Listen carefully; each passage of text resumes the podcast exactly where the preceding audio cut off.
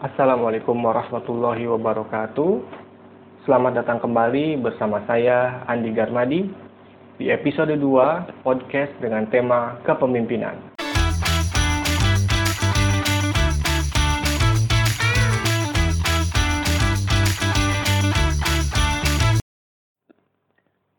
Baik, eh, teman-teman semua, di episode kedua podcast saya ini, kita akan membahas mengenai perbedaan antara kepemimpinan dan uh, manajemen.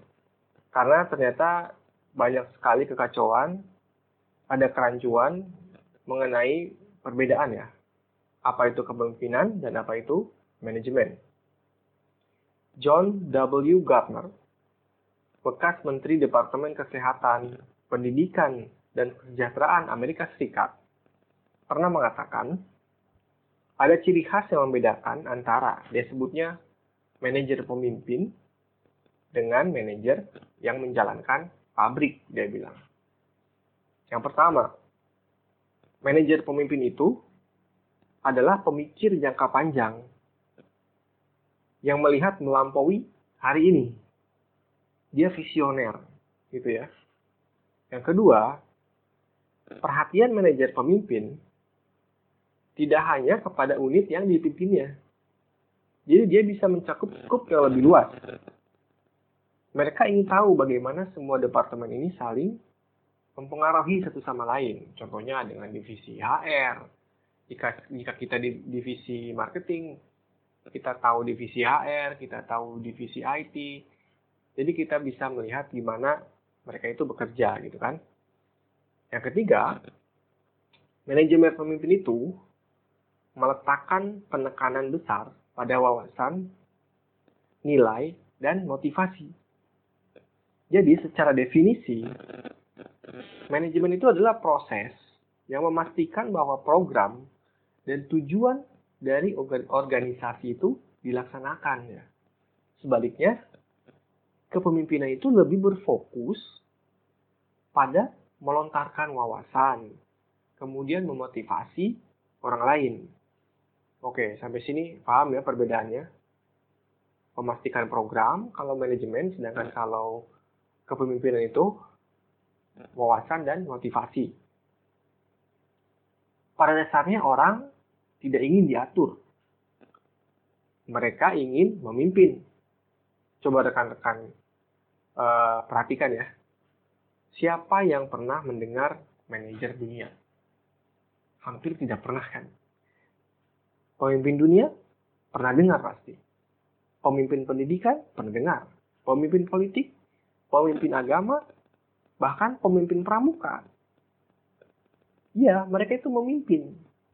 Mereka itu tidak mengatur, tapi memimpin. Ya kan? Ada satu anekdot yang menarik yang mengatakan Anda bisa menuntun kuda ke air. Tetapi Anda tidak akan bisa menyuruhnya untuk minum. Artinya adalah kalau Anda ingin mengatur orang lain, aturlah diri Anda sendiri dulu. Lakukanlah itu dengan baik. Maka Anda akan siap untuk mulai memimpin. Oke? Okay?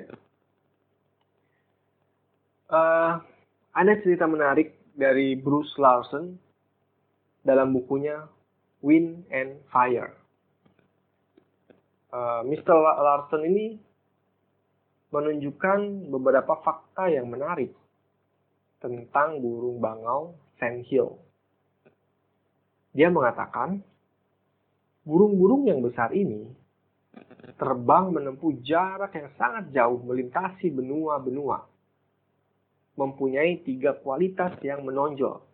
Pertama, mereka menggilir kepemimpinan jadi tidak ada seekor burung pun yang berada di depan sepanjang waktu. Mereka bergiliran. Gitu. Yang kedua, mereka memilih pemimpin yang bisa mengatasi gejolak angin. Mereka tahu pemimpin itu harus tahan dengan dengan apa rintangan, harus tahan dengan caci maki, harus tahan dengan isu-isu. Dia harus bisa memimpin dengan tenang, mengatasi gejolak angin. Dan yang ketiga, sepanjang waktu ketika seekor burung sudah memimpin, yang lainnya itu menyuarakan persetujuan. Dalam artian pemimpin ini disegani. Pemimpin ini punya kapasitas untuk memimpin. Oke?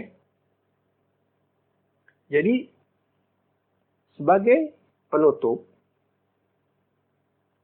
bisa sih kita simpulkan teman-teman semua bahwa mengetahui bagaimana cara melakukan pekerjaan adalah keberhasilan dari seorang pekerja.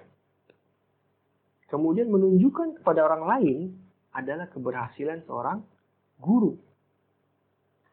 Memastikan pekerjaan diselesaikan oleh orang lain adalah keberhasilan seorang manajer.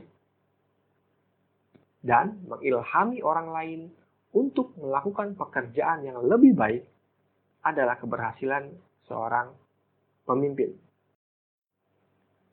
Mudah-mudahan podcast episode kedua ini bermanfaat bagi teman-teman.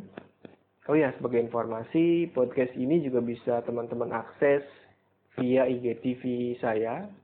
Bisa diakses melalui Instagram saya @andigarmadi. Silakan bagi teman-teman yang punya akun Instagram untuk mampir ya. Oke, saya undur diri. Sampai bertemu lagi di podcast episode ketiga. Assalamualaikum warahmatullahi wabarakatuh.